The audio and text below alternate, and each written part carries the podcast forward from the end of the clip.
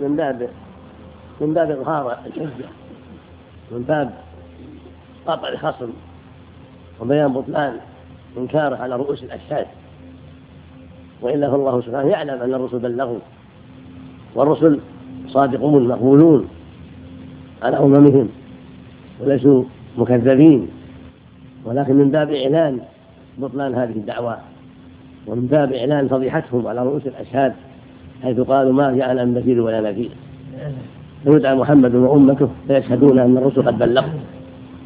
وإنما شهدوا لأن القرآن جاء بذلك. قال أنزل على محمد. وفيه أن الرسل بلغوا. والنبي بين ذلك. فالأمة مع نبيها عليه الصلاة والسلام تشهد بذلك على خبر الله سبحانه وتعالى. الله أخبر محمدا وأمته أن الرسل قد بلغوا. وجعلهم يوم القيامة شهداء على الناس.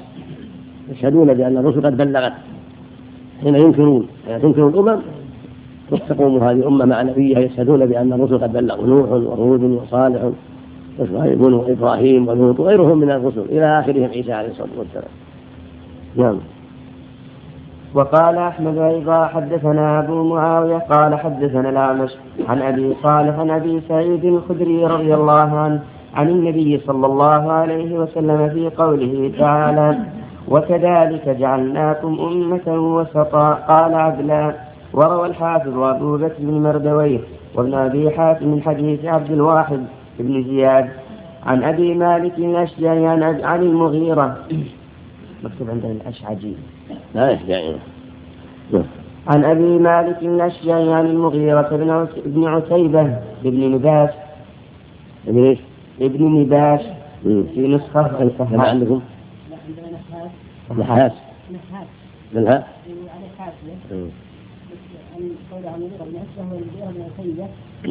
فإن حاسب يقول بحاسب يدعو التعديل وروى عن سعيد بن جبير ليس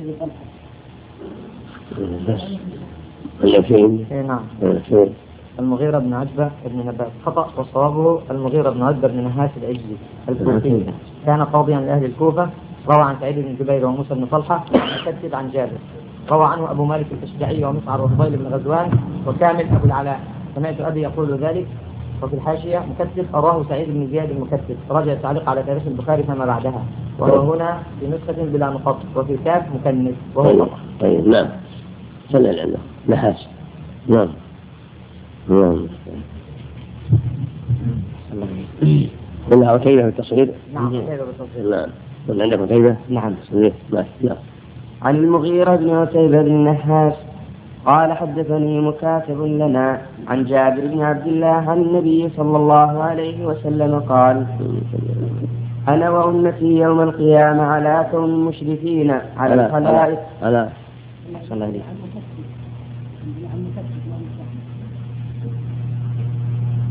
مكاتب. نعم محمد وقال هنا وعن إيه. عن جابر. هذا اللي في الجرح والتعديل إيه. وأشار إليها في الحاشية قال أراه سعيد بن زياد المكتب بس وقال راجع التعليق على تاريخ البخاري ورمز لمواقع من مكتوب فما بعدها. وهو في النسخة اللي المعتادة اللي يقول النقل منها بلا نقط هكذا. وفي نسخة مكلف عندك علق عليه علق عليه مثلا وما ما لقى شعب نعم. هات نسخة. مكتب إلا لا؟ هات نسخة. نعم. علق على مكتب مكاتب. نعم. نعم. نعم. نعم. عن جابر بن عبد الله رضي الله عنه عن النبي صلى الله عليه وسلم قال أنا وأمتي يوم القيامة على كون مشرفين على الخلائق. ما من الناس أحد إلا ود أنه منا وما من نبي كذبه قومه إلا ونحن نشهد أنه قد بلغ رسالة ربه عز وجل. وروى الحاكم في رواية على كل هنا محل مرتفع. ولكن السند هذا ضعيف لأن المكتب هذا أو المكاتب مبهم مجهول. نعم. لكن الحديث السابقة كافية لأن هذا النبي وأمته عليه الصلاة والسلام هم الشهداء على الناس. نعم. كما هو نص القرآن. نعم. وروى الحاكم في مستدركه وابن مردويه أيضا. واللفظ له من حديث مصعب بن ثابت عن محمد بن كعب القرظي عن جابر بن عبد الله رضي الله عنه. قال شهد رسول الله صلى الله عليه وسلم جنازة في بني مسلمة.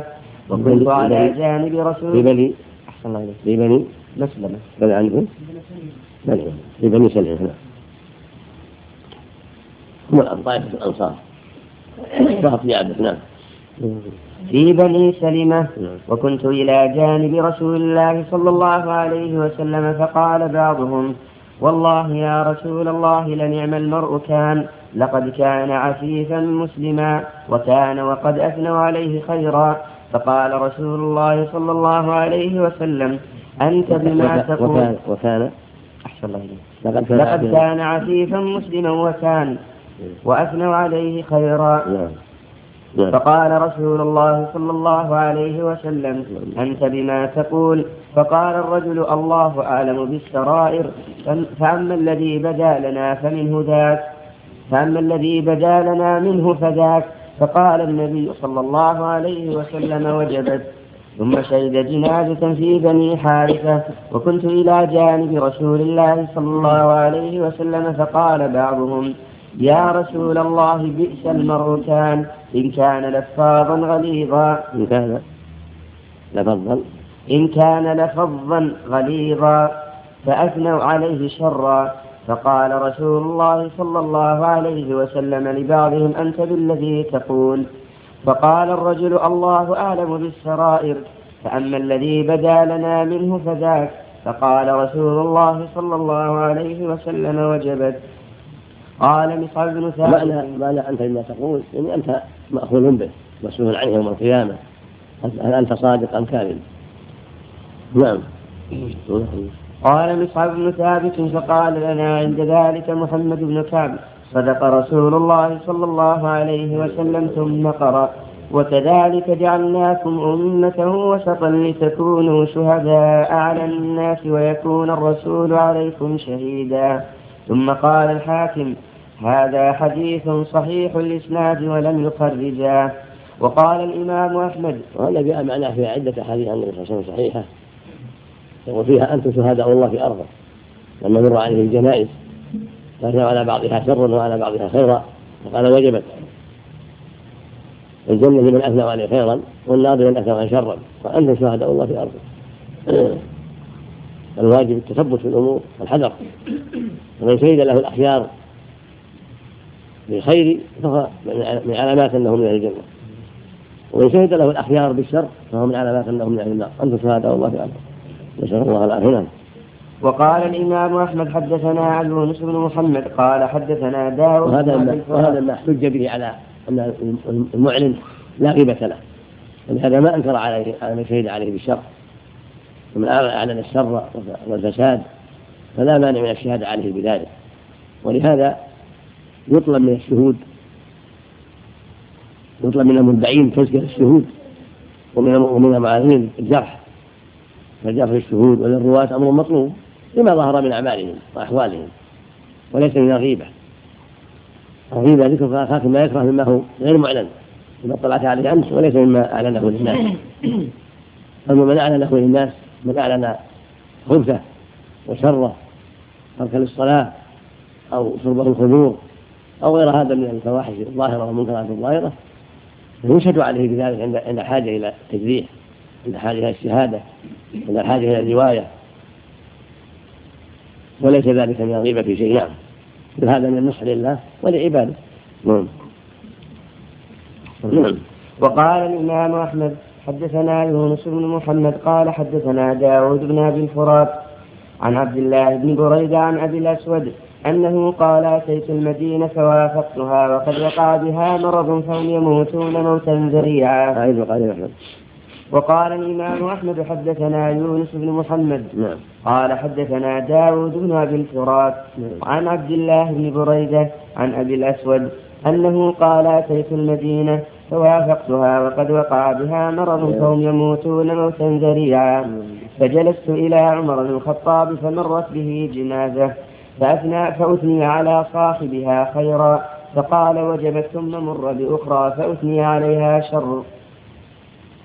فقال عمر وجبت فقال أبو الأسود وما ما وجبت يا أمير المؤمنين؟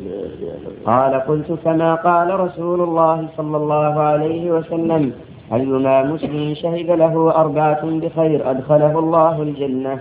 قال فقلنا وثلاثة قال فقال وثلاثة. قال فقلنا واثنان قال واثنان ثم لم نسأله عن واحد وكذا رواه البخاري والترمذي والنسائي من حديث داود بن أبي الفرات به. وقال ابن مردويه حدثنا أحمد بن عثمان بن يحيى قال حدثنا أبو وفي هذا الحذر الحذر من إظهار الشر والحرص على الاستثار بما يبتلى به الإنسان أن يتقي الله.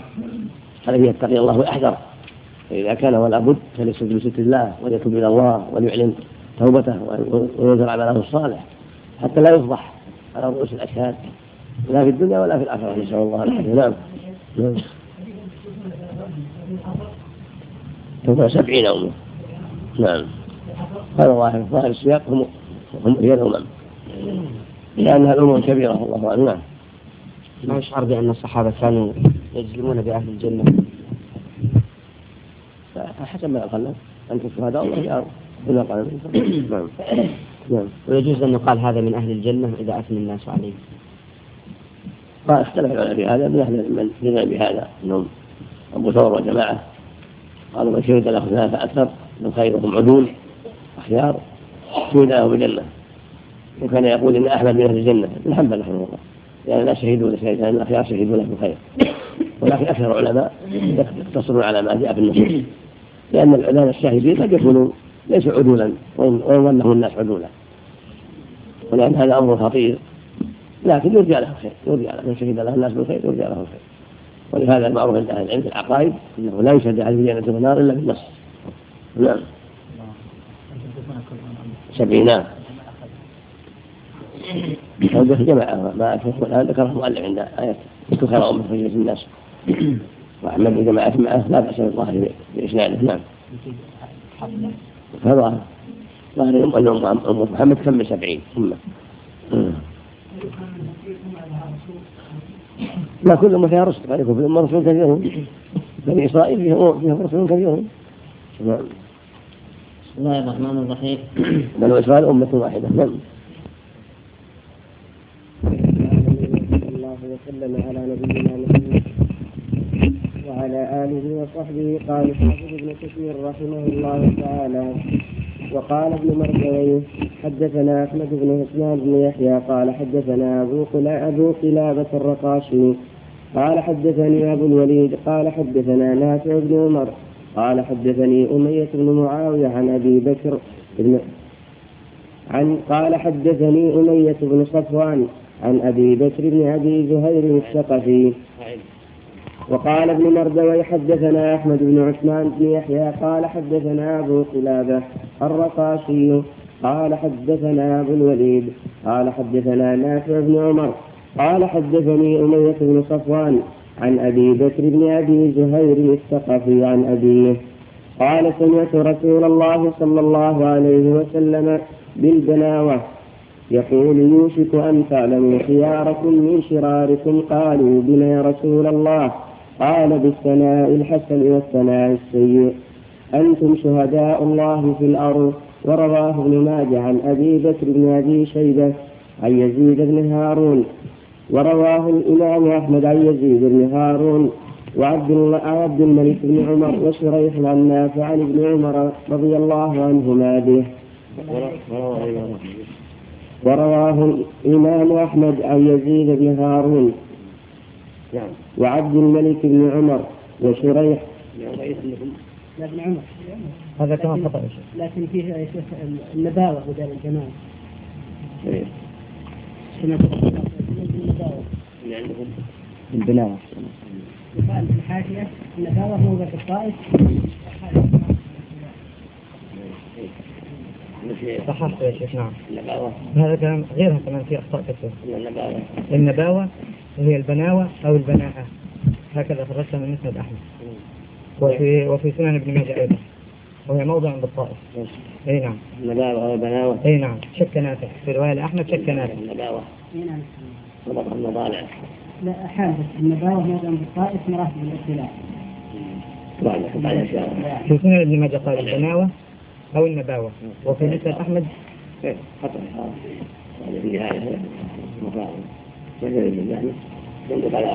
هذا بن عمر.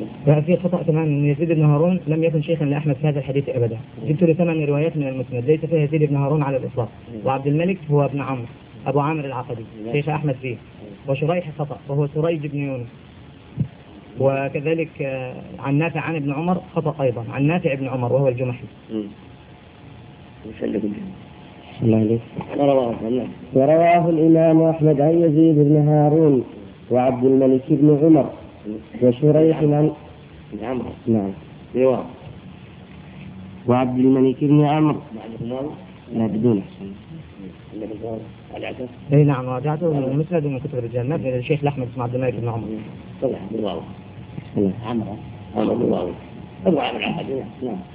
لكن احسن الله كلام ابن كثير ما يقتضي من الشيخ رواه الامام أحمد عن يزيد بن هذه اي هذه رواية يقول نحن في المسند عن عبد الله يعني ثمان روايات في المسند ليس فيها شيخ ابدا ولا في طرق الاسناد يزيد بن هارون يعني وجدته من إيه إيه. إيه نعم. لا وغيره نعم. ثمان روايات في المسند ورواه الإمام أحمد عن يزيد بن هارون وعبد الملك بن عمرو. وعبد الملك بن عمرو. نعم. يعني الشيخين جميعا نعم بعده وشريح عن نافع بن عمرو عن نافع عن ابن عمر. عن نافع بن عمر. تستطع إيش بعده؟ به خطأ يا شيخ. به نعم. السند الأول. السند الأول. أحسن اللي قرأته حدثنا وقال ابن مردويه حدثنا أحمد بن عثمان بن يحيى قال حدثنا أبو قلابة الرقاشي قال حدثني أبو الوليد قال حدثنا نافع بن عمر.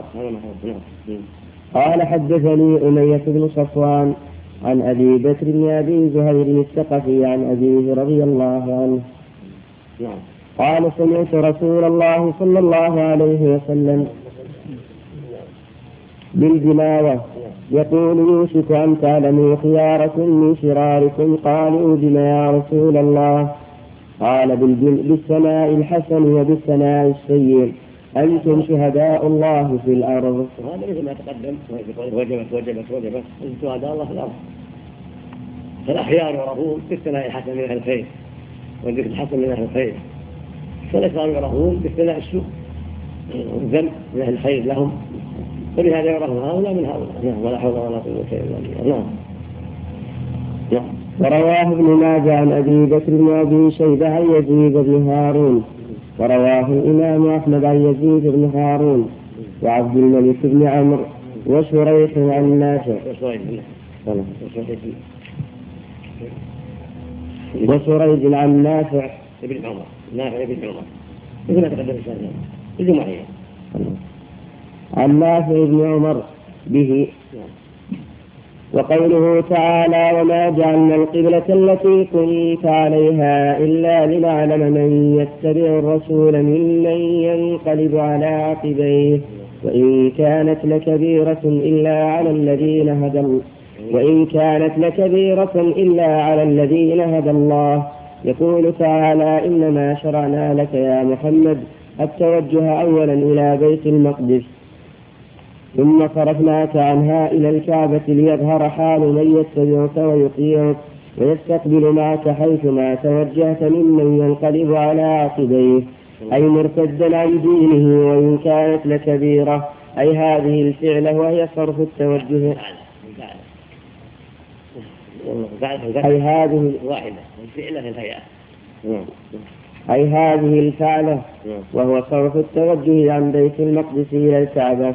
أي وإن كان هذا الأمر عظيما في النفوس إلا على الذين هدى الله قلوبهم وأيقنوا بتصديق الرسول صلى الله عليه وسلم وأن كل ما جاء به فهو حق الذي لا مرية فيه وأن الله يفعل ما يشاء ويحكم ما يريد فله أن يكلف عباده بما شاء وينسخ ما شاء ما يشاء.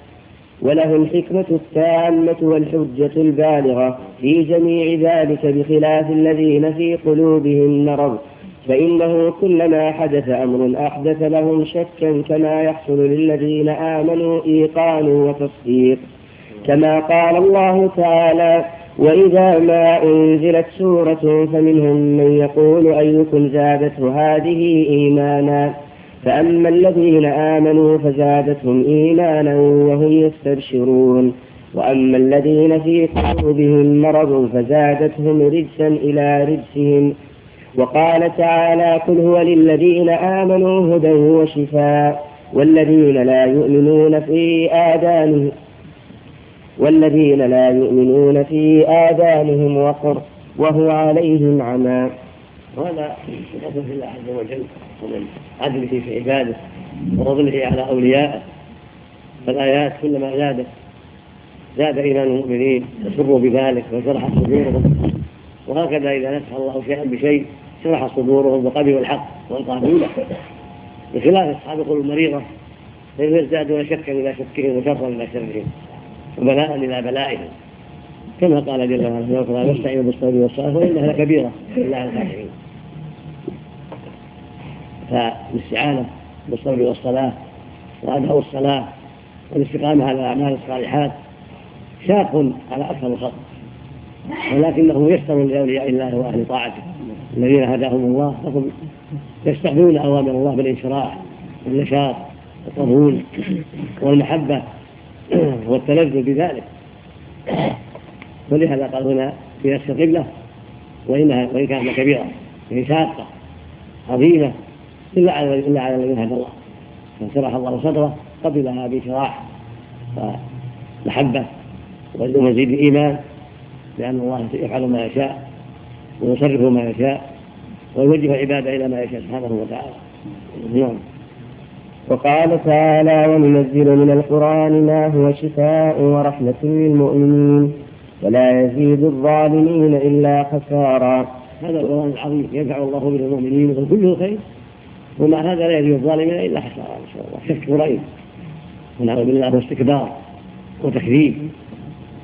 ولهذا قال والذين يكونون في آذانهم وقت يعني ثقل وهو عليهم عمى كأنهم لا يسمعون ولا يعقلون ولا يبصرون. نسأل الله نعوذ بالله من حالهم نعم.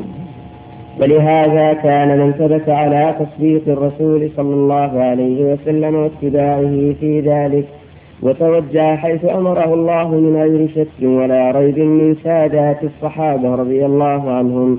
وقد ذهب بعضهم إلى أن السابقين الأولين من المهاجرين والأنصار هم الذين صلوا إلى القبلتين.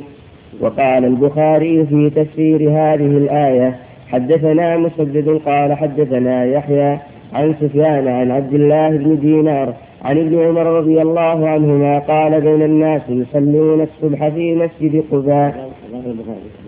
وقال البخاري في تفسير هذه الآية حدثنا مسدد قال حدثنا يحيى عن سفيان عن عبد الله بن دينار عن ابن عمر رضي الله عنهما قال بين بين الناس يصلون الصبح في مسجد قباء. إذ جاء رجل فقال قد أنزل الله قد أنزل على النبي صلى الله عليه وسلم قرآن وقد أمر أن يستقبل الكعبة فاستقبلوها فتوجهوا إلى الكعبة فاستقبل فاستقبلوها فتوجهوا إلى الكعبة. وقد رواه مسلم من وجه آخر عن ابن عمر ورواه الترمذي من حديث سفيان من حديث سفيان الثوري وعنده أنهم كانوا ركوعا. فاستداروا كما هم إلى الكعبة وهم ركوع وكذا رواه مسلم من حديث حماد بن سلمة عن ثابت عن أنس مثله وهذا يدل على كمال طاعتهم لله ولرسوله وانقيادهم لأوامر الله عز وجل رضي الله عنهم أجمعين. يعني أنهم بادروا إلى قبول النصف النصف والاستدارة إلى الكعبة ولم يكن فيما نفس حرج ولا توقف. نعم عنه وقوله وما كان الله ليضيع إيمانكم أي صلاتكم إلى بيت المقدس قبل ذلك ما كان يضيع ثوابها عند ما كان يضيع ثوابها عند الله. وفي الصحيح من حديث أبي إسحاق السبيعي عن البراء قال مات قوم كانوا يصلون نحو بيت المقدس فقال الناس ما حالهم في ذلك. فأنزل الله تعالى وما كان الله ليضيع إيمانكم. ورواه الترمذي عن ابن عباس وصححه وقال ابن إسحاق حدثني سمها النساء إيمانا لأنهم فعلوها عن إيمان والتصديق فلهذا قال أهل السنة والجماعة الإيمان قول وعمل وعقيدة.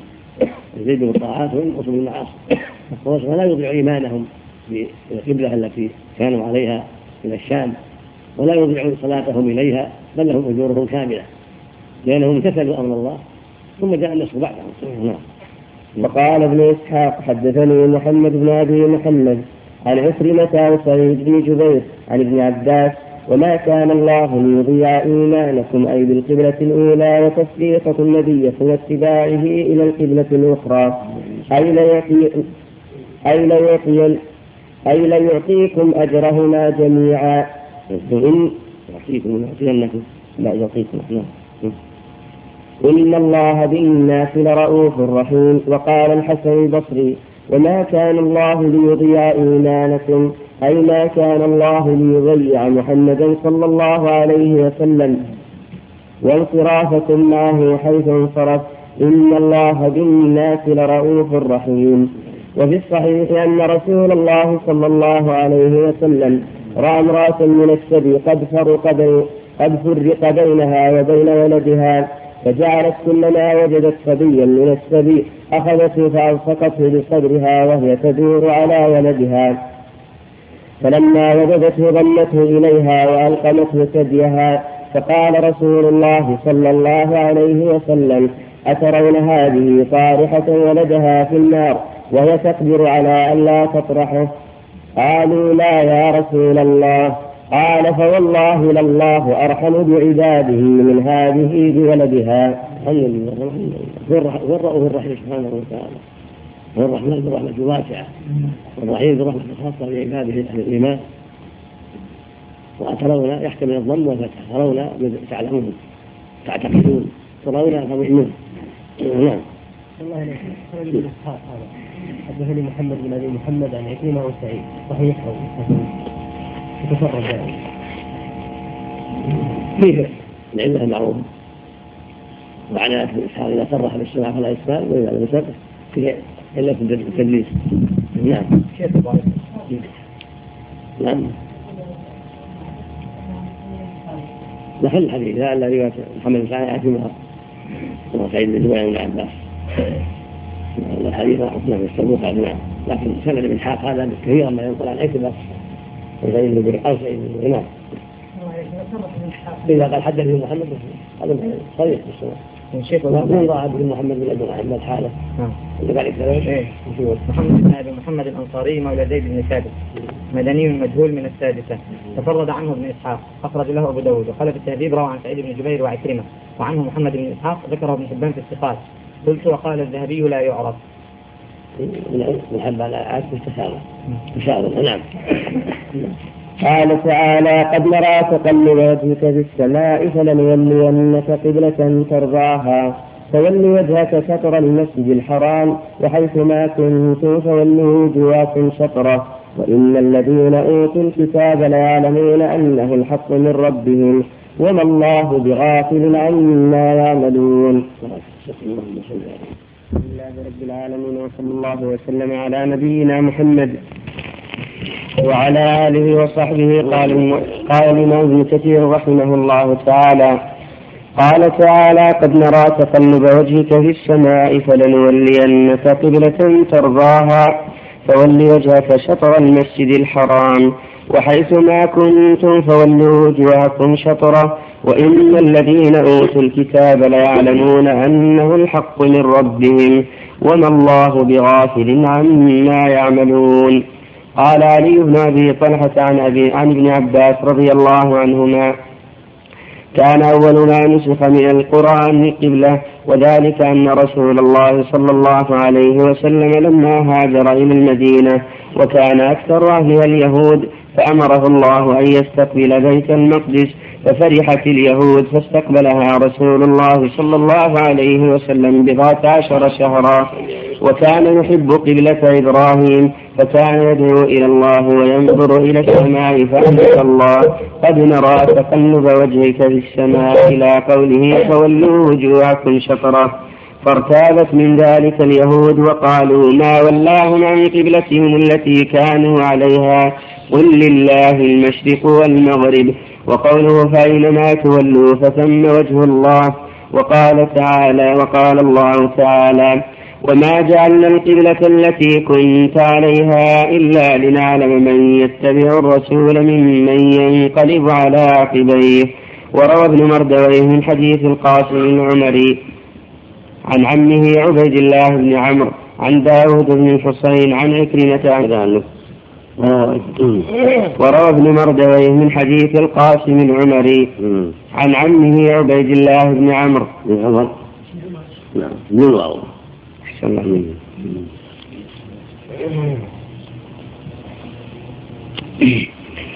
عن عمه عبيد الله بن عمر عن داود بن الحصين عن عكرمة عن ابن عباس رضي الله عنهما قال كان النبي صلى الله عليه وسلم إذا سلم من صلاته إلى بيت المقدس رفع رأسه إلى السماء فأنزل الله فلنولينك قبلة ترضاها فول وجهك شطر المسجد الحرام إلى الكعبة إلى الميزاب يؤم به يؤم به جبريل عليه السلام. إلى الكعبة إلى الميزاب يؤم به جبريل عليه السلام. وروى الحاكم في مستدركه من حديث شعبة عن يال بن عطاء عن يحيى بن ابن قطة. أحسن عن يحيى بن قطة. عندنا عندنا وروى الحاكم وروى الحاكم في مستدركه من حديث شعبة عن يعلى بن عطاء عن يحيى بن قطة. منطقة نعم نعم قوله ليس كما يقول بان أهل القصة ذكر ابن ابي حاتم وقال روى عن عبد الله بن عمرو وروى عن جعل بن عطاء سمعت ان يقول ذلك انتهى اي فهو مشهور العلم وليس ذلك تحية القصة بس عن شيء لما حدث نعم هو في الجرح والتعديل يحيى بن قلمطة القاف والميم والطاء ولم يذكر فيه جرحا ولا تعديل.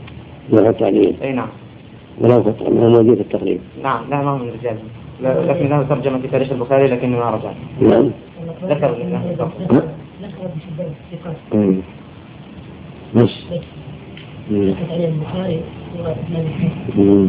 ولا قلطة نعم. حد نسخة قلطة منطقة نسخة أستاذ الحاكم نسخة. نعم الحاكم نسخة. يمين قلطة قاف ميم طاء ها نسخة. ها نسخة. نعم. نعم. نسخة. ثلاثة نعم. قال رأيت عبد الله بن عمرو رضي الله عنه جالسا في المسجد الحرام الميزاب بعد ينقطع بعد. يحيى بن قلطة قال رأيت عبد الله نعم.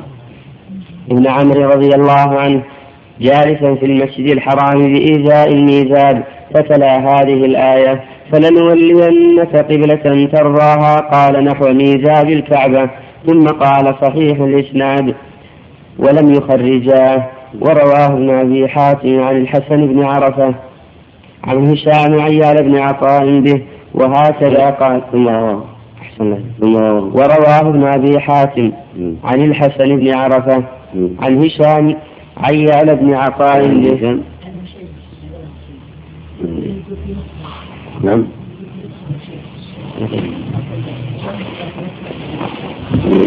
أنا راجعت شوف الحسن بن عرفة. ما ما في منه أبدا من يقول لا. واضح أنه نعم. وهو كذلك شيء من تلاميذه على ابن عطاء. ما يروى عنه أحد اسمه. نعم. أنا ما عندهم. هو شيء. نعم. نعم. أحسن الله. عن هشيم عيال بن عطاء به وهكذا قال غير واحد وهكذا قال غيره وهو أحد قولي الشافعي رضي الله عنه إن الغرض إن الغرض إصابة عين الكعبة والقول الآخر وعليه الأكثرون أن المراد المواجهة. كما رواه الحاكم من حديث محمد بن إسحاق عن عمير بن زياد الكندي عن علي بن أبي طالب رضي الله عنه فول وجهك شطر المسجد الحرام. قال شطره قبلة. ثم قال صحيح الإسناد ولم يخرجاه وهذا قول أبي يعلى ومجاهد وعكرمة. وهذا قول أبي العالية نعم. ومجاهد وعكرمة وسعيد بن جبير وقتادة والربيع بن أنس وغيرهم وكما تقدم في الحديث الآخر ما بين المشرق والمغرب قبلة. وقال القرطبي رحمه الله. وهذا هو نص هذا هو نص القرآن المقصود جهة جهة الكعبة شطر من جهته ولكن قلة النبي صلى الله عليه وسلم أصابت عين الكعبة لأنها وصلت لها عليه الصلاة والسلام. ولهذا قال جمع من العلم أنها أصابت عين الكعبة في المدينة والمهم كله الجهة حيث قال فضل الوجوه شطرة والمدينة معلوم منها جهة الشام جهة الشمال فتكون قبلتها الجنوب ويقابل الميزاب الجدار الشمالي. والمهم في حق جميع الناس الشطر. إلا من كان قريبا منها يراها إنه يستقبل عينها. ومن كان بعيدا عنها لا يراها استقبل الجهة وكفى. ولهذا قال فولوا وجوه شطرة نعم. يا شيخ الله كان المسجد صلة قليلة يجب ضربه نعم. لا يعفى عن الشيء اليسير لا يعفى. نعم. ما بين المشرق والمغرب قبلة يعفى عن الليل اليسير. نعم. إذا كان يسجد في المسجد في الكعبة نعم. يرمي بيسار نحو الأرض ونحو الكعبة. الأرض نحو الأرض نحو محل سجوده نعم. قل حفظك الله يا شيخ عمير بن زياد هذا ما له ترجمة وجدت صوابه عميرة عميرة ابن زياد الكندي. واللي عندكم وشو؟ عندكم عميرة ولا؟ عمير بن زياد الكلب النسخة الأخرى عمير. من أبي حاتم ولا من عنده؟ أما إيش؟ حاكم إيه راجعة الحاكم. رجعت الحكم مكتوب فيه عمير بن زياد أيضا لكن ما تعبت فيهم. ما لقيت إلا عميرة ابن زياد وقال له عميرة ابن سعد. بل هو من رجال الكتب الستة. هو أيضا بعد ما وجدته في الجرح عودت لما صحح اسمه وجدته بهذا الاسم. عودت على التهذيب وجدته موجود فيه تقريبا. شوف التقريب. هذا موجود شوفوا قال قال في التهذيب عمير بن سعد الهمداني اليماني أبو السكن الكوفي روى عن علي وأبي هريرة في بضعة عشر رجلا من الصحابة وأبي سعيد وأنس روى عنه الزبير بن عدي وطلحة بن مصرف مصرف وعرار بن عبد الله بن سويد اليماني لم يكن ممن يعتمد عليه وهذا قول ابن القطان وذكره ابن حبان في الثقات قلت ذكر البخاري أن بعضهم سماه عميرا ولا يصح وقال في التقريب مقبول من الثالثة روى له النسائي. تقريبا تقريبا لا يأخذ عمير تقريب عميرة. تقريب؟ اي نعم. ما في ابدا عمير خالص. يقول؟ ذكر ذكر بعض الناس سماه عمير اي نعم. نعم. الله عليك. نعم. يعني من جهة من جهة قبلة هذا معنى. لو ما منا ومنا ما يضر. نعم. نعم. نعم. إن شاء الله. وقال القرطبي روى ابن جريج عن عطاء عن ابن عباس رضي الله عنهما أن رسول الله صلى الله عليه وسلم قال البيت قبلة لأهل المسجد والمسجد قبلة لأهل, لأهل الحرم والحرم قبلة لأهل الأرض في مشارقها ومغاربها من أمتي. وروى ابن جريج عن عطاء عن ابن عباس رضي الله عنهما أن رسول الله صلى الله عليه وسلم قال البيت قبلة لأهل المسجد والمسجد قبلة لأهل الحرم والحرم قبلة لأهل الأرض في مشارقها ومغاربها من أمتي. وقال أبو نعيم ما رواه أحد ما زال القرطبي أحسن مم. القرطبي. قال القرطبي قال قال وقال القرطبي روى ابن جريج. بس. نعم. وجدت يا شيخ. مم. نعم. ما رجعت الآن قال قال الحافظ في التلخيص فذكر هذا الحديث وقال رواه البيهقي. ثم قال وسنده ضعيف. وعندكم نقول نعلم عليه نعم. رواه البيهقي رواه البيهقي وخاتم غريب عمر بن حفص المكي وهو ضعيف لا يحتج به وروي باسناد ضعيف عن عبد الله بن مم. كذلك مرفوعا ولا يحتج بمثله قال الحافظ في التلخيص رواه البيهقي وسنده ضعيف. حتى البيهقي قال الحافظ الطبري حتى الحاجة نعم. كلام الحافظ نعم. نعم. وقال أبو نعيم الفضل بن دكين حدثنا زهير عن أبي إسحاق عن البراء رضي الله عنه أن النبي صلى الله عليه وسلم نعم. نعم. أن النبي صلى الله عليه وسلم صلى قبل بيت المقدس ستة عشر شهرا أو سبعة عشر شهرا وكان يعجبه قبلته قبل البيت وأنه صلى صلاة العصر وصلى معه. وكان يعجبه. وكان يعجبه قبلته قبل البيت. وأنه صلى صلاة العصر وصلى معه قوم. فخرج رجل ممن كان يصلي معه فمر على أهل المسجد وهم ركوع. فقال أشهد بالله لقد صليت مع رسول الله صلى الله عليه وسلم قبل مكة فداروك معهم قبل البيت. وقال عبد الرزاق أخبرنا إسرائيل عن أبي إسحاق عن البراء رضي الله عنه قال لما قدم رسول الله صلى الله عليه وسلم المدينة صلى نحو بيت المقدس ستة عشر شهرا أو سبعة عشر شهرا. وكان رسول الله صلى الله عليه وسلم يحب أن يحول نحو الكعبة فنزلت قد نرى تقلب وجهك في السماء فصرف إلى الكعبة. وروى النسائي عن أبي سعيد بن المعلى قال كنا نغدو إلى المسجد على عهد رسول الله صلى الله عليه وسلم فنصلي فيه فمررنا يوم ورسول الله صلى الله عليه وسلم قاعد على المنبر فقلت لقد حدث أمر فجلست فقرأ رسول الله صلى الله عليه وسلم هذه الآية. قد نرى تقلب وجهك في السماء فلنولينك قبلة ترضاها حتى فرغ من الآية. فقلت لصاحبي تعال نركع ركعتين. قبل أن ينزل رسول الله صلى الله عليه وسلم فنكون أول من صلى. فتوارينا فصليناهما. ثم نزل رسول الله صلى الله عليه وسلم وصلى للناس الظهر يومئذ وكذا رواه ابن مردويه عن ابن عمر رضي الله عنهما أن أول صلاة صلاها رسول الله صلى الله عليه وسلم إلى الكعبة صلاة الظهر وأنها الصلاة الوسطى والمشهور أن أن أول صلاة صلاها إلى الكعبة صلاة العصر. ولهذا تأخر الخبر عن أهل عن أهل قباء. إلى صلاة الفجر. وقال الحافظ أبو بكر بن مردويه نعم كان أول ما نسخ من القرآن القبلة نعم كانوا يستقبلون اولا؟ بيت المقدس ثم ينسخ ذلك. محمد عليه الصلاة والسلام. لأنه نزل وقبلته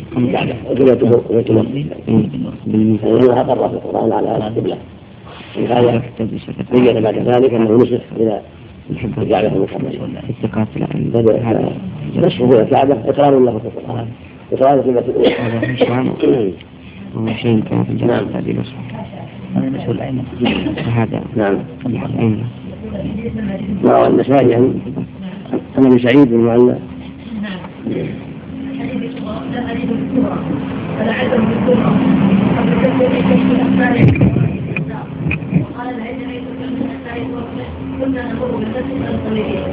وقال البزار لا نعلمه عن ابي سعيد بن المعلى الا بهذا الاسناد ولا روي ولا روي الا هذا أو اخر قال عبد الرحمن الحديث ضعيف لأن في مروان بن عثمان وهو ضعيف كما كما في رجال الرجال في التاريخ. نعم. بل موجود يا شيخ. نعم. موجود في المجتبى وفي الكبرى. سمعتوه؟ أي نعم. إيه. موجود. موجود في اسناده وتكلمت على رجال. وش نعم. وش الحديث؟ في الصورة؟ سنده في الصغرى. هو بنفس الإسناد في الكبرى أيضا. حدثنا عن محمد حدثنا محمد بن عبد الله بن عبد الحكم عن سعيد بن الليث بن سعد عن أبيه عن خالد بن يزيد عن سعيد بن أبي هلال عن مروان بن عثمان عن عبيد بن حنين عن أبي سعيد بن المعلى. ورواه بنفس السند في التفسير في الكبرى بتمامه سوا سوا نعم نفس الإسناد ما غير في شيء. في كلام على مروان. هذا مروان بن عثمان بن سعيد بن المعلى الأنصاري الزرقي ضعيف من السادسة أخرج له البخاري في الأدب المفرد والنسائي. أبو عثمان المدني. قال أبو حاتم ضعيف وذكره ابن الإسلام في الثقات. نعم. نعم. بسم الله الرحمن الرحيم. الحمد لله رب العالمين. صلى الله وسلم على نبينا محمد وعلى آله وصحبه قال الإمام الحافظ ابن كثير رحمه الله تعالى. وقال الحافظ أبو بكر بن مردويه حدثنا سليمان بن أحمد. قال حدثنا الحسين بن إسحاق التستري. قال حدثنا رجاء بن محمد السقطي. قال حدثنا رجاء بن محمد السقطي. قال حدثنا إسحاق بن إدريس. قال حدثنا إبراهيم بن جعفر. قال حدثني أبي عن جدته أم أبيه نبيلة أم أبيه نويلة بنت مسلم. قالت صلينا الظهر أو العصر مع في مسجد بني حارثة. فاستقبلنا مسجد إيليا فصلينا ركعتين ثم جاء من يحدثنا أن رسول الله صلى الله عليه وسلم قد استقبل البيت الحرام فتحول النساء مكان الرجال والرجال مكان النساء فصلينا السجدتين الباقيتين ونحن مستقبلون البيت الحرام. فحدثني رجل من بني حارثة أن النبي صلى الله عليه وسلم قال أولئك رجال يؤمنون بالغيب. وقال ابن مردويه أيضا حدثنا محمد بن علي بن دحيم قال حدثنا أحمد بن حازم قال حدثنا مالك بن إسماعيل النهدي قال حدثني قيس عن زياد بن علاقة علاقة. عن زياد بن علاقة عن عمارة بن عوس قال بينما نحن في الصلاة نحو, البي... نحو بيت المقدس ونحن ركوع. إذ نادى مناد بالباب إن القبلة قد حولت إلى الكعبة. قال فأشهد, عن... فأشهد على إمامنا أنه انحرف فتحول هو والرجال والصبيان وهم ركوع نحو الكعبة. وقوله وحيثما كنتم فولوا وجوهكم شطرة. أمر تعالى باستقبال الكعبة من جميع جهات الأرض شرقا وغربا. وشمالا وجنوبا ولا يستثنى من هذا سوى ولا يستثنى من هذا شيء سوى النافلة في حال السفر فإنه يصليها حيثما توجه قالبه وقلبه وقل حيثما توجه قالبه وقلبه نحو الكعبة. وكذا في حال المسايفة في القتال يصلي على كل حال وكذا من جهل جهة القبلة يصلي باجتهاده وإن كان مخطئا في نفس الأمر لأن الله تعالى لا يكلف نفسا إلا وسعها. ويلحق بهذا حال الرابعة وهي ما إذا كان عاجزا عن القبلة. كالمصلوب والمريض الذي ليس عنده من يوجهه إلى القبلة فإنه يصلي على حسب حاله. كقول الله تعالى فاتقوا الله ما استطعتم. هذه أحوال أربع يصلي بها الإنسان إلى غير تصح صلاته فيها إلى غير هذه الأولى المسافر إذا تنفل صلي إلى جهة طريقه. صلي على راحلته إلى جهة طريقه كما فعل النبي صلى الله عليه وسلم. الحال الثاني عند شدة القتال والمسايفة. صلي حيث كان وجهه. فإن شئتم فرجالا ركبانا الحال الثالث إذا اشتبهت عليه القبلة واجتهد وتحرى ثم بان أنه مخطئ وأنه صلى إلى غير القبلة فصلاته صحيحة. باجتهاده كما أن الذين صلوا أول الصلاة إلى الشام ثم حولوا إلى القبلة صحت صلاتهم لأنه لم يعلموا إلا في آخر صلاتهم الحالة الرابعة من عجز عن القبلة كالمربوط أسير الذي ربط على خشبة أو على غيرها إلى غير القبلة ولا يستطيع أن يصلي إلى القبلة. أو مريض على سريره عاجز ليس عنده من يوجهه إلى القبلة. فإنه يصلي على حسب حاله ولا يترك الصلاة بل يصليها في وقت على حسب حاله. لأن الله يقول فاتقوا الله ما استطعتم. والنبي عليه الصلاة والسلام يقول إذا أمرتم بأمره فأتوا ما استطعتم. نعم. حال مسايف حال حال من شدة القتال حيث ما يمكن الصلاة يعني على طريقة المعروفة ما يؤخر ما قلنا الأرض. يجوز التأخير لكن لا صلوا فلا بأس. إن أخروا فلا بأس. نعم. نعم. ينحرف من صلى إلى في السفر إلى جهة يظنها قبلة ثم بدا له في الركعة الثانية أن القبلة عن يمينها وشمالها ينحرف إليها يكمل صلاته. كما انحرف الذين بلغهم الخبر صلاة صحة صلاتهم نعم. أحسن الله مسألة وقد استدل نعم. وقد استدل المالكية بهذه الآية على أن المصلي ينظر أمامه لا إلى موضع سجوده كما ذهب إليه الشافعي وأحمد وأبو حنيفة قال المالكية بقوله فول وجهك شطر المسجد الحرام فلو نظر إلى موضع سجوده لاحتاج أن يتكلف ذلك بنوع من الانحناء وهو ينافي كمال القيام. وقال بعضهم ينظر المصلي في قيامه إلى صدره وقال شريك وقال شريك القاضي ينظر في حال قيامه إلى موضع سجوده. كما قال جمهور الجماعة لأنه أبلغ في الخضوع وآكد في الخشوع وقد ورد به الحديث أما في حال ركوعه فإلى موضع قدميه وفي حال سجوده إلى موضع أنفه وفي حال قعوده إلى إلى حجره. نعم. وقوله تعالى وإن الذين الذي قاله المؤلف إنه وقع في نظر حال القيام هو الذي عليه الجمهور ينظر إلى موضع سجوده. وليس في الآية حجه على انه امامه المقصود استقبال هذا المقصود. هو الذي فسره معناه استقبلوا الجهة التي فيها الكعبة. وليس المراد أن يكون نظره إلى جهة امامه بل السنة يكون إلى موضع سجوده لأنه أقرب للخشوع وأجمع للقلب أما قوله في حال الركوع إلى موضع قدميه هذا في نظر. بل حال الركوع مثل حال القيام ينظر إلى موضع السجود لا إلى موضع قدميه.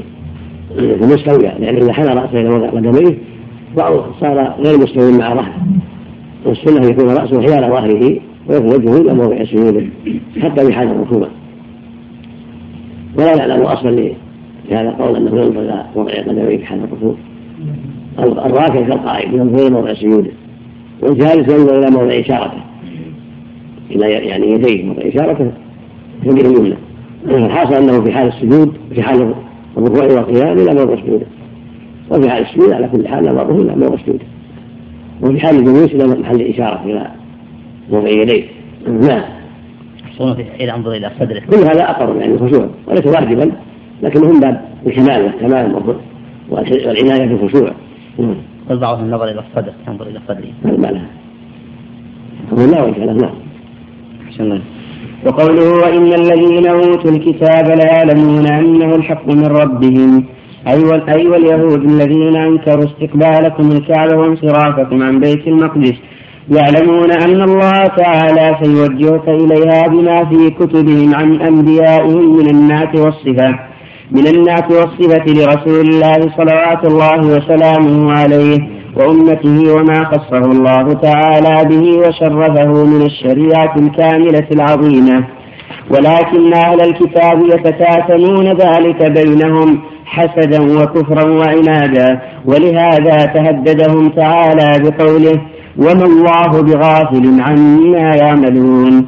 وقوله تعالى ولئن أتيت الذين أوتوا الكتاب بكل آية ما تبعوا قبلتك وما أنت بتابع قبلتهم وما بعضهم بتابع قبلة بعض ولئن اتبعت أهواءهم من بعد ما جاءك من العلم إنك إذا لمن الظالمين يخبر تعالى عن كفر اليهود وعنادهم ومخالفتهم ما يعرفونه من شأن رسول الله صلى الله عليه وسلم وأنه لو قام عليهم كل دليل على صحة ما جاءهم به لما اتبعوه وتركوا أهواءهم وتركوا أهواءهم كما قال تعالى إن الذين حقت عليهم كلمة ربك لا يؤمنون ولو جاءتهم كل آية حتى يروا العذاب الأليم. ولهذا قال ها هنا ولئن أتيت الذين أوتوا الكتاب بكل آية ما تبعوا قبلتك وقوله وما أنت بتابع شدة عنادهم وخبثهم وأنهم والعياذ بالله طبعهم اتباع الهوى والعناد بالحق وإيثار باطلهم على ما عند غيرهم من الحق يحفظوا بأنفسهم يحفظوا بزعمهم بأنفسهم رياساتهم ومآكلهم واستقلالهم. وهذا هو هلاكهم وعين هلاكهم نعوذ بالله حمله البغي والهوى والتكبر واتباع الهوى وإيثار الدنيا على الآخرة على العناد بالرسل ومخالفة الرسل ولا سيما خاتمهم عليه الصلاة والسلام. ولهذا قل أن تجد يهودي يسلم من أندر النادر إسلام يهودي لما في قلوبهم من الحق والخبث. والشر والفساد والكراهة للحق والعناد له أما النصارى فكثير من المسلمين هم ألين قلوبا وأقرب إلى الحق. كما بين الله جل, جل وعلا في كتابه الكريم ذلك. ولا تجدنا أقرب مودة من يوم الذين قالوا إنا نصارى. قبل أن يقول لا تجدنا أشد الناس عداوة للذين اليهود ولا إذا أشركوا ولا تجدن أقربهم مودة للذين آمنوا الذين قالوا إنا نصارى. ذلك بأنهم قسيسون ورهبان على أنهم لا يستطيعون. المقصود أن النصارى أقرب. والمسلمون فيهم أكثر. ولهذا قل يوم وقل شهر وقل عام إلا يسلم فيه يوم فيه والآن في هذه البلاد لا نسلم من يسلم من النصارى. في غالب كل يوم يأتي من يسلم عدد عدد يسلمون من النصارى أنفسهم من الفلبين ومن ومن لبنان ومن أمريكا ومن سائر أنواع النصارى. تجد لو عددنا من أسلم في كل شهر لوجدناهم عددا كثيرا. عندنا غير ما عند المحاكم في كل مكان. ويسلمون كثيرا وظلمهم هي عند التوجيه والإرشاد إلى الحق. أما اللي يكون فلا. بغاية من البعد عن الحق نسأل الله نعم. أحسن الله عليكم وقوله وما أنت بتابع قبلتهم إخبار عن شدة متابعة الرسول صلى الله عليه وسلم بما أمره الله تعالى به وأنه كما هم مستمسكون بآرائهم وأهوائهم فهو أيضا مستمسك بأمر الله تعالى بأمر الله تعالى وطاعته واتباع مرضاته وأنه لا يتبع أهواءهم في جميع أحواله ولا كونه متوجها إلى بيت المقدس لكونها قبلة اليهود وإنما ذلك عن أمر الله تعالى. ثم حذر تعالى عن مخالفة الحق الذي يعلمه العالم إلى الهوى فإن العالم الحجة الحجة عليه أقوى من غيره. ولهذا قال تعالى مخاطبا للرسول صلى الله عليه وسلم والمراد به الأمة ولئن اتبعت أهواءهم من بعد ما جاءك من العلم إنك إذا لمن الظالمين. وقال تعالى الذين آتينا يبين لنا أن اتباع الهوى هلاك وأن صاحبه معدود من الظلمة لاتباعه الباطل وإيثاره على الحق فصار ظالما أن وضع الأمور في غير موضعها نسأل الله العافية. ولهذا قال في الأخرى ولا تتبع الهوى فيضلك عن سبيل الله. قال تعالى فإنهم يستجيبونك تعلم أنما يتبعون أهواءهم. ثم قال وما أضل من اتبع هواه بغير هدى من الله. المعنى لا أحد أضل ممن اتبع هواه بغير هدى من الله. يعني هذا التحذير من اتباع الهوى وإيثار الحق. وأن الواجب على المؤمن أن يخالف هواه بطاعة ربه وأن يقدم الحق ويثر الحق. وإن خالف هواه وهوى أبيه وهوى أمه وهوى زوجته وهوى أقاربه وهوى أصدقائه الحق مقدم على الجميع. هذا هو الواجب على كل مكلف. يتعرف الحق وجب عليه إيثاره والأخذ به وترك ما خالفه وإن قال به من قال من الناس. ولئن اتبعت أهواءهم من بعد ما جاء في العلم إنك إذا من الظالمين. كفى بهذا تحذيرا وتنفيرا من الباطل ومن اتباع الهوى ولو قال به من قال به من العلماء والكبراء والأقارب وغيرهم. نسأل الله السلامة والعافية. نعم وقال تعالى الذين آتيناهم الكتاب يعرفونه كما يعرفون أبناءهم وإن فريقا منهم ليكتمون الحق وهم يعلمون. نسأل الله العافية. نعم الحمد لله رب العالمين وصلى الله وسلم على نبينا محمد وعلى آله وصحبه قال الإمام الحافظ ابن كثير رحمه الله تعالى. قال الله تعالى الذين آتيناهم الكتاب يعرفونه كما يعرفون أبناءهم. وإن فريقا منهم ليكتمون الحق وهم يعلمون. الحق من ربك فلا تكونن من الممترين.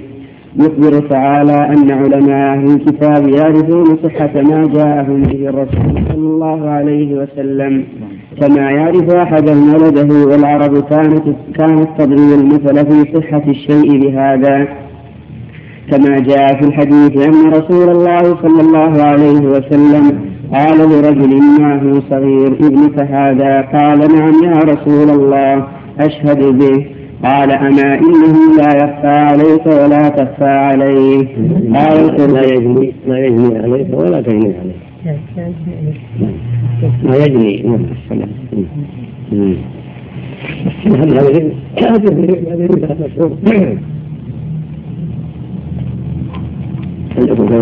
لا يجني عليك. ولا تجني عليك. نعم من وحيث يريد مثلا تتبع لا تجمع عليه ولا يجمع عليه. لا لا هذا هو المعروف هذا هو الصواب. ولا تصحيح بعض الطباع والخطاطين. نعم. يعني الإنسان لا يجني على ولده ولده لا يجني عليه. كما قال تعالى ولا تزر وازرة وزر أخرى. فإذا عصى الوالد إثمه عليه. وإذا عصى الولد إثمه عليه. وإذا قتل الوالد إثمه عليه. وإذا قتل الولد إثمه عليه. فلا يؤخذ الوالد من ولده ولا ولد من والده لا في معصية التي لله ولا في معصية التي للمخلوقين فيذنبه عليه. ولا تزر وازرة وزر أخرى نعم. وقال القرطبي قال لعبد الله بن السلام أتعرف محمدا كما تعرف ولدك قال نعم وأكثر؟ نزل الأمين من السماء على الأمين في الأرض بنعته فعرفته وإني لا أدري ما كان من أمه. قلت وقد يكون المراد يعرفونه كما يعرفون أبناءهم. من بين أبناء الناس كلهم لا يشك أحد ولا يمتري في معرفة ابنه. إذا رآه من أبناء الناس كلهم ثم أخبر تعالى أنهم الذين كفروا عن بصيرة لا عن جهل كفروا وكذبوا عن بصيرة وعن علم. وليس ذلك عن جهل ولهذا قال تعالى الذين يعرفونهم كما يعرفون الذين آتناهم يعرفونهم كما يعرفون أبناءهم. فهم يكتمون الحق عن علم وعن حسد وعن بغي وهكذا من شابههم من علماء السوء في هذه الأمة وقبلها من الأمم من جنس عمل اليهود. من كتم العلم لهواء أو رشوة أو غير هذا فهو مشابه لليهود ومعامل عمله نعوذ بالله من ذلك. ومن تشبه بقوم فهو منهم الواجب على من لديه علم أن يعمل بعلمه وأن يتقي الله في ذلك وأن لا يؤثر الحظ العاجل من رشوة أو قرابة أو عداوة أو غير ذلك على حق الله وحكمه سبحانه وتعالى. واليهود من هذا الصنف ممن آثر الدنيا على الآخرة ممن آثر الهوى وحسب الحق. نسأل الله العافية. نعم. ثم تعالى أنه مع هذا التحقيق والإتقان العلمي. ليكتمون الحق أو ليكتمون الناس ما في كتبهم من صفة النبي صلى الله عليه وسلم وهم يعلمون. ثم ثبت تعالى نبيه صلى الله عليه وسلم والمؤمنين وأخبرهم بأن ما جاء به ما جاء به الرسول صلى الله عليه وسلم هو الحق الذي لا مرية فيه ولا شك. فقال تعالى الحق من ربك فلا تكونن من الممترين. وقال تعالى ولكل وجهة هو موليها. الحق خبر مثل المحلول. تقديره الحق ليس هذا الحق. هذا الذي جئت به من دعوة الناس إلى توحيد الله واتباع رسوله وتصديق الرسل والإيمان بالآخرة. إلى غير هذا هو الحق الذي لا ريب فيه ولا شك فيه. ولا تكونن من المنكرين لا تكونن أنت. وهكذا الأمة كلها يجب أن تعلم هذا ولا تمتري فيه. فما جاء به من توحيد الله وطاعته وما شرع من الأحكام فرضا أو تحريما أو غير ذلك من الأحكام كله الحق من الله عز وجل. المراد بالتصديق والتيقن والثبات وعدم الريب نعم. ولكل وجهة هي موليها فاستبقوا الخيرات. أينما تكونوا يأتي بكم الله جميعا. إن الله على كل شيء قدير. قال العوفي عن ابن عباس ولكل وجهة هي موليها يعني بذلك أهل الأديان يقولون يقول لكل قبيلة قبلة يرضونها وجهة الله حيث توجه المؤمنون. وقال أبو العالية لليهود وجهة هو موليها ولليهود وجهة هو موليها وللنصارى وجهة هو موليها وهداكم أنتم أيتها الأمة إلى القبلة التي هي القبلة. بري عن مجاهد وعطاء والضحاك وزر الربيع بن أنس والصدي نحو ذلك. وقال مجاهد في الرواية الأخرى والحسن أمر كل أمر كل قوم أن يصلوا إلى الكعبة. وقرأ ابن عباس وابو جعفر الباقر وابن عامر ولكل وجهة هو مولاها وهذه الآية شبيهة بقوله تعالى لكل جعلنا منكم شرعة ومنهاجا.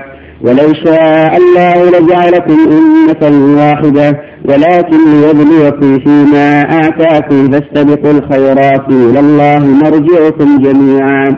وقال ها هنا أينما تكونوا يأتي بكم الله جميعا إن الله على كل شيء قدير. أي هو قادر على جمعكم من الأرض وإن تفرقت أجسادكم وأبدانكم وغرض الآية العموم وقبلة غيرها الآية العموم أن كل إنسان وكل طائفة لها وجهة. فهم الحق. وأتباع الرسل وجهتهم ما جاءت به الرسل. وأهل الباطل وجهتهم اتباع أهوائهم. وكل له وجهة. لكن من رزق الله من رزقه الله الهدى ومن عليه التوفيق. صارت وجهته الحق أينما دار الحق فهو يدور معه. ومن خذل صارت وجهته اتباع هواه أينما دار هواه دار معه. في حق أو باطل. ثم قال بعد فاشتروا الخراف يعني علمتم أن كل كل واحد له وجهه أو كل قرية له وجهه أو كل اهلين على اختلاف الاقوال فاستبقوا الخيرات التي علمتم من شرع الله الذي جاء به هذا النبي العظيم. استبقوها إن سارعوا إليها. واحرصوا على اغتنامها فالله يتبعكم يوم القيامة اينما كنتم فلن يفلت منه أحد. هو سبحانه وتعالى مفلتا بهم وقادر عليهم من يده تصريف شؤونهم سبحانه وتعالى. فهو جل وعلا معهم أينما كانوا. ويجازيهم بأعمالهم أينما كانوا. فلا يظن أحد أنه يفات من الله أو أنه ينسى بل هو معروف ومحصل عليه عمله ولا بد أن يحشر مع الناس ولا بد أن يجازى. يوم يجمعهم يوم الجمع ذلك هو التعاون ولله في السماوات والارض يجزي الذين أساءوا بما عملوا ويجزي الذين أحسنوا بالحسنى. ومن الأولين والآخرين يرجعون إلى ميقات يوم معلوم. فلا ينبغي العاقل ان يغفل عن هذا أو ينسى هذا. بل يجب أن يكون على باله ويعد له عدته. ومن حيث قال تعالى ومن حيث خرجت فول وجهك شطر المسجد الحرام وإنه للحق من ربك وما الله بغافل عما تعملون. ومن حيث خرجت فول وجهك شطر المسجد الحرام وحيث ما كنتم فولوا وجوهكم شطرة. لئلا يكون للناس عليكم حجة إلا الذين ظلموا منهم. فلا تخشوا واخشوني وليتم نعمتي عليكم ولعلكم تهتدون. هذا أمر ثالث من الله تعالى باستقبال المسجد الحرام من جميع أقطار الأرض. وقد اختلفوا في حكمة هذا التكرار ثلاث مرات. فقيل فلا تأكيد لأنه أول ناسخ وقع في الإسلام على ما نص عليه. على ما نص عليه ابن عباس وغيره. وقيل بل هو منزل على أحوال. فالأمر الأول لمن هو مشاهد الكعبة والثاني لمن هو في مكة غائبا عنها والثالث لمن هو في بقية البلدان. هكذا وجهه فخر الدين الرازي. وقال القرطبي الأول لمن هو في مكة لمن هو بمكة والثاني لمن هو في بقية الأمصار. والثالث لمن خرج في الأسفار ورجح هذا هذا الجواب القرطبي. وقيل إنما ذكر ذلك لتعلقه بما قبله أو بعده من السياق فقال أولا قد نرى تقلب وجهك في السماء فلنولينك قبلة ترضاها إلى قوله وإن الذين أوتوا الكتاب ليعلمون أنه الحق من ربهم وما الله بغافل عما يعملون. فذكر في هذا المقام إجابته في إجابته إلى قلبته وأمره بال إلى قلبته وأمره بالقبلة التي كان يود التوجه إليها ويرضاها. وقال في الأمر الثالث ومن حيث خرجت فول وجهك شطر المسجد الحرام وإنه للحق من ربك وما الله بغافل عما تعملون. فذكر أنه الحق من الله وارتقائه وارتقائه وارتقاءه المقام الأول. فذكر أنه الحق من الله وارتقائه المقام الأول. ارتقاء؟ نعم. المقام الأول. حيث كان موافقا للرسول. محذوف أي نعم. أي نعم. انت ارتقاء شطر فذكر في هذا المقام إجابته طلبته وأمره بالقبلة التي كان يود التوجه إليها ويرضاها وقال في الأمر الثاني ومن حيث خرجت فول وجهك شطر المسجد الحرام؟ وإنه للحق من ربك وما الله بغافل عما تعملون. فذكر أنه الحق من الله وارتقاه المقام الأول حيث كان موافقا لروى الرسول صلى الله عليه وسلم تبين أنه الحق أيضا من الله يحبه. قطع الارتقاء بعض نعم. مستمر نعم. نعم. تبين أنه الحق أيضا من الله يحبه ويرتضيه وذكر في الأمر الثالث حكمة قطع حكمة قطع حجة المخالف من اليهود الذين كانوا يتحججون باستقبال الرسول صلى الله عليه وسلم إلى قبلتهم. وقد كانوا يعلمون بما في كتبهم أنه سيصرف إلى قبلة إبراهيم عليه الصلاة والسلام إلى الكعبة. وكذلك مشرك العرب انقطعت حجتهم لما صرف الرسول صلى الله عليه وسلم عن قبلة اليهود إلى قبلة إبراهيم التي هي أشرف. وقد كانوا يعظمون الكعبة وأعجبهم استقبال الرسول صلى الله عليه وسلم إليها. وقيل غير ذلك من الأجوبة عن حكمة التكرار. وقد بسطها الرازي وغيره والله أعلم. وقوله لئلا يكون للناس عليكم حجة أي أهل الكتاب فإنهم يعلمون أن يعلمون من صفة هذه الأمة التوجه إلى الكعبة.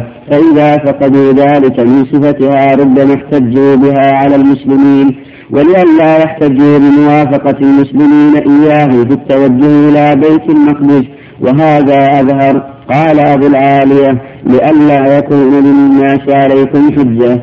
يعني به أهل الكتاب حين قالوا صرف محمد إلى الكعبة وقال اشتاق الرجل إلى بيت أبيه ودين قومه وكان حجتهم على النبي صلى الله عليه وسلم انصرافه إلى البيت الحرام. أن قالوا سيرجع إلى ديننا كما رجع إلى قبلتنا. قال ابن أبي حاتم وروي عن مجاهد وعن مجاهد وعطاء والضحاك والربيع بن أنس وقتادة والسدي نحو هذا وقال هؤلاء في قوله إلا الذين ظلموا منهم يعني مشرك مشركي قريش. ووجهه ووجه بعضهم حجة الظلمة وهي وهي داحضة نكتب وهو أحسن. وهي داحضة أن قالوا إن هذا الرجل يزعم أنه على دين إبراهيم. فإن كان توجه فإن كان توجه إلى بيت المقدس على ملة إبراهيم. فإن كان توجهه إلى بيت المقدس على ملة إبراهيم فلم يرجع عنه. والجواب أن الله تعالى اختار له التوجه إلى بيت المقدس. أولا لما لما له تعالى من ذلك من لما له تعالى في ذلك من الحكمة فأطاع ربه تعالى في ذلك ثم صرفه إلى قبلة إبراهيم وهي الكعبة فامتثل أمر الله في ذلك أيضا. فهو صلوات الله وسلامه عليه مطيع لله في جميع أحواله. لا يخرج عن أمره عن أمر الله طرفة عين وأمته تبع له وقوله فلا تخشونهم واخشوني أي لا تخشوا لا تخشوا شبه الظلمة المتعنتين. وأفردوا الخشية وأفردوا الخشية لي فإنه تعالى هو أهل أن هو أهل أن يخشى منه. وقوله وليتم نعمتي عليكم عطف على لئلا يكون للناس عليكم حجة. أي لأتم نعمتي عليكم فيما شرعت لكم من استقلال الكعبة لتكمل لكم الشريعة من جميع وجوهها. ولعلكم تهتدون. أي إلى ما ضلت عنه الأمم هديناكم إليه وخصصناكم به. ولهذا كانت هذه الأمة أشرف الأمم وأفضلها. والله أعلم. قال تعالى كما أرسلنا فيكم رسولا منكم يتلو عليكم آياتنا.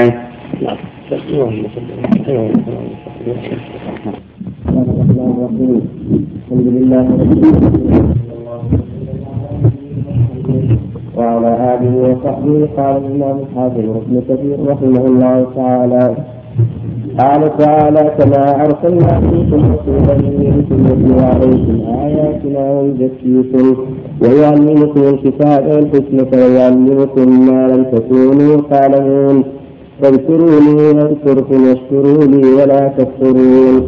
يذكر تعالى عباده المؤمنين ما أنعم به عليهم من بعثة الرسول محمد صلى الله عليه وسلم إليهم. يتلو عليهم آيات الله مبينات فيزكيهم أي يطهرهم من رذائل الأخلاق ودنس النفوس وأفعال الجاهلية ويخرجهم من الظلمات إلى النور ويعلمهم الكتاب وهو القرآن والحكمة وهي السنة ويعلمهم ما لم يكونوا يعلمون. فكانوا في الجاهلية الجهلا يشبهون بالقول الكراء فانتقلوا. هذه من نعم الله العظيمة أن الله أرسل محمد صلى الله عليه وسلم لهذه الأمة والغاية من الجهاد والضلالة والعناية يتلو عليهم آيات الله وكتابه العزيز ويزكيهم بدعوته إلى الأخلاق الفاضلة والأعمال الصالحة والصلاة الحميدة ويعلمهم كتابه والقرآن العظيم والحكمة وهي سنته وأحاديثه عليه الصلاة والسلام ويعلمهم ما لم يكونوا يعلمون من أحكام الله وشرع الله ودينه وما جاءت من الرسل الماضين وما دعوا إليه. وما جرى عليهم وما جرى على أعدائهم إلا غير هذا ما جاءهم به عليه الصلاة والسلام. كل ذلك في الهداية والتزكية والدعوة إلى الخير. كما قال في الآية الأخرى هو الذي بعثه في الأميين رسولا منهم يتلو عليهم آياته ويزكيهم ويعلمهم كتاب الحكمة وإن كانوا من قبل لفي ضلال مبين. هذه من نعم الله العظيمة. وروى الإمام أحمد رحمه الله بإسناد جيد عن أبي هريرة الله تعالى عنه عن النبي عليه الصلاة والسلام قال إنما بعثت لأتمم صالح الأخلاق. إنما بعثت لأتمم صالح الأخلاق. قال الحافظ الكريم رواه خرائطي الحافظ بلفظ إنما بعثت لأتمم مكارم الأخلاق. والله بعث ليتمم مكارم الأخلاق وصالح الأخلاق من أقوال وأعمال من أعمال القلوب أعمال الجوارح. حتى يسير العباد على غاية من الأخلاق الفاضلة والأعمال الصالحة والصلاة الحميدة التي يرضاها الله منهم. ويحصل بها لهم الخير والاستقامة. وحسن العاقبة في الدنيا والآخرة. وهكذا كان. فقد بين لهم ودعاهم ووضح لهم عليه الصلاة والسلام. فدعاهم إلى كل خير ونهاهم عن كل شر. وجاء في صحيح مسلم عن عبد الله بن عمرو بن عاص رضي الله تعالى عنهما. عن النبي عليه الصلاة والسلام أنه قال ما بعث الله من نبي إلا كان حقا عليه أن يدل أمته على خير ما يعلمون. وينذرهم شر ما يعلمون. وإن هذه الأمة جعلت عافيتها في اولها وسيصيب آخرها بلاء وأمور تنكرونها تجيء فتنة فيقول هذه مهلكتي ثم تجيء فتنة فيقول هذه هذه. ولمن أحب أن يزحزح عن النار. ويدخل الجنة فلتدرك منيته وهو يؤمن بالله واليوم الآخر. الذي يأتي إلى الناس الذي يحب أن يؤتى إليه. يعني يستقم على الإيمان بالله واليوم الآخر وليتقي الله.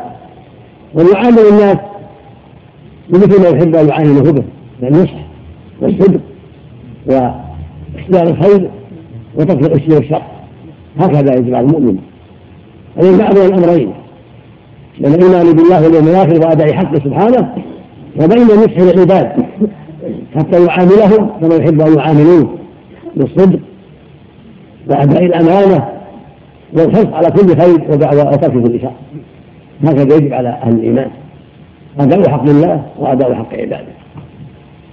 وهؤلاء هم الصالحون.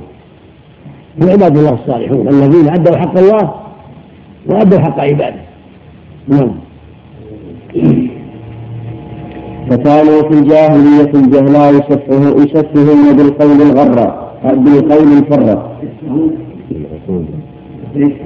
أبو العقول فكانوا في الجاهلية الجهلاء يسفهون بالقول الفراء الفراء الفراء بالفعل. نعم. أي يسفهون بالقول. نعم. يسفهون بالعقول الغراء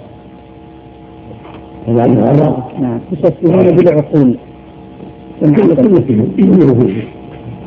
هذا وهذا يشهون بقول ربي وبين ربي ويشكرون عقول الاخيار نعم. كله نعم. الكذب يعني؟ نعم القول الافتراء الكذب يعني. لكن بالعقول بالعقول هذا محل البحث. بالعقول الغر عندك نعم الغر. نعم. الكلمة رفيعة نعم نعم طيبة نعم فانتقلوا ببركة رسالته ويمن سفارته إلى حال الأولياء وسجايا العلماء فصاروا أعمق الناس علما وأبرهم قلوبا. وأقلهم تكلفا وأصدقهم لهجة وقال تعالى لقد من الله على المؤمنين إذ بعث فيهم رسولا منهم رسولا منهم يتلو عليهم آياته ويزكيهم الآية وذم من لم يعرف قدره قدر هذه النعمة فقال تعالى ألم تر إلى الذين بدلوا نعمة الله كفرا وأحلوا قومهم دار البوار قال ابن عباس رضي الله عنهما يعني بنعمة الله محمد صلى الله عليه وسلم ولهذا ندب الله المؤمنين إلى الاعتراف بهذه النعمة ومقابلتها بذكره وشكره وقال تعالى فاذكروني أذكركم بالفعل ولهذا ولهذا نعم. ولهذا.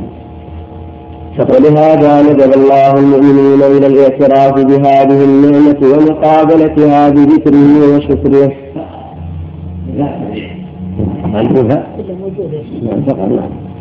فقال تعالى فاذكروني أذكركم واشكروا لي ولا تكفرون. قال مجاهد في قوله كما أرسلنا فيكم رسولا منكم يقول كما فعلت فاذكروني. قال عبد الله بن وهب عن هشام بن سعيد عن زيد بن أسلم أن موسى الله عن هشام بن سعد عن زيد بن أسلم أن موسى عليه السلام قال يا رب كيف أشكرك؟ قال له ربه تذكرني ولا تنساني فإذا ذكرتني فقد شكرتني وإذا نسيتني فقد كفرتني. قال الحسن البصري وأبو العالية والسدي والربيع أنس أن الله يذكر من ذكره ويزيد من شكره ويعذب من كفره. وقال بعض السلف في قوله تعالى اتقوا الله حق تقاته. قال هو أن يطاع فلا يعصى ويذكر فلا ينسى ويشكر فلا يكفر. وهذا ثابت عن مسعود رضي الله عنه في قوله تعالى اتقوا الله حق تقاته. قال أن يطاع فلا يعصى وأن ينكر فلا ينسى وأن يشكر فلا يكفر. بعضهم رواه مرفوعا عن النبي صلى الله عليه وسلم ولكن محمود بن حديث مسعود رضي الله عنه. وهذا هو الواجب على أهل الإيمان أن يطيعوه فلا يعصوه. وان يذكروه فلا ينسوه وان يشكروا نعمه ولا يكفروها. وقد أنعم عليهم بعد الرسل وانزال الكتب وانعم على الايمان بالتوفيق والإيمان والهداية. وجب أن يشكروه بطاعته وترك معصيته والاكثار من ذكره سبحانه وتعالى. يا أيها الذين آمنوا اذكروا الله كثيرا وسبحوا بكرة وأصيلا. ولم يصلي عليكم ملائكته. مخرجة من الظلمات إلى النور وكان بهم رحيما هذا هو الواجب على الايمان أن يذكروه بالقلوب والألسنة والأعمال. لا باللسان فقط القلب واللسان والعمل. ذكر الشاكر ذكر المنيب ذكر الصادق ذكر المخلص لله الذي يرجو رحمته ويخشى عقابه سبحانه وتعالى. نعم. بسم الله من الحديث يقول الرب جل وعلا أنا عند ظن عبدي وأنا معه حين يذكرون.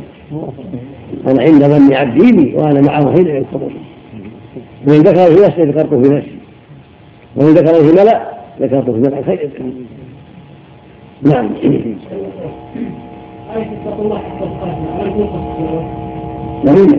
بين اتقوا الله ما من باب البيان الايضاح نعم. وقال ابن أبي حاتم حدثنا الحسن بن محمد بن الصباح. قال أخبرنا يزيد بن هارون قال أخبرنا عمارة الصيدلاني. قال أخبرنا مكتوم العزي. قال قلت لابن عمر رضي الله عنهما أرأيت قاتل النفس وشارب الخمر والسارق والزاني يذكر الله. وقد قال تعالى وقد قال الله تعالى فاذكروني يذكركم. قال إذا ذكر الله هذا ذكره الله بلعنته حتى يسكت. وقال حتى يسكت.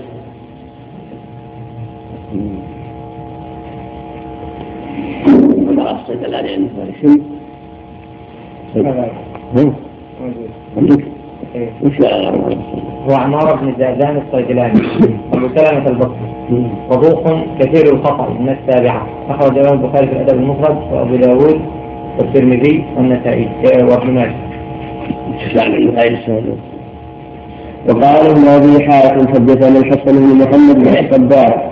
قال أخبرنا يزيد بن هارون قال أخبرنا عمار الصيدلاني قال أخبرنا مسعود الابدي قال قلت لابن عمر رضي الله عنهما أرأيت قاتل النفس وشارب الخمر والسارق والزاني يذكر الله؟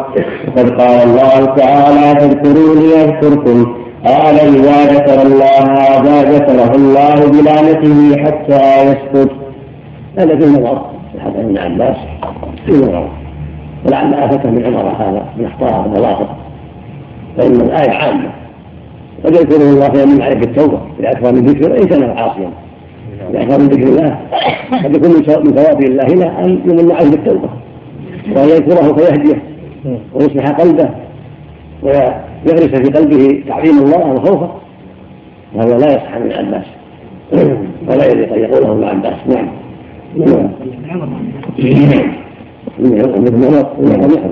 لا ان يقول وقال الحسن البصري في قوله لا لا الله نعم الصديق الله نعم. عمار الصديق. صدوق كثير الخطأ.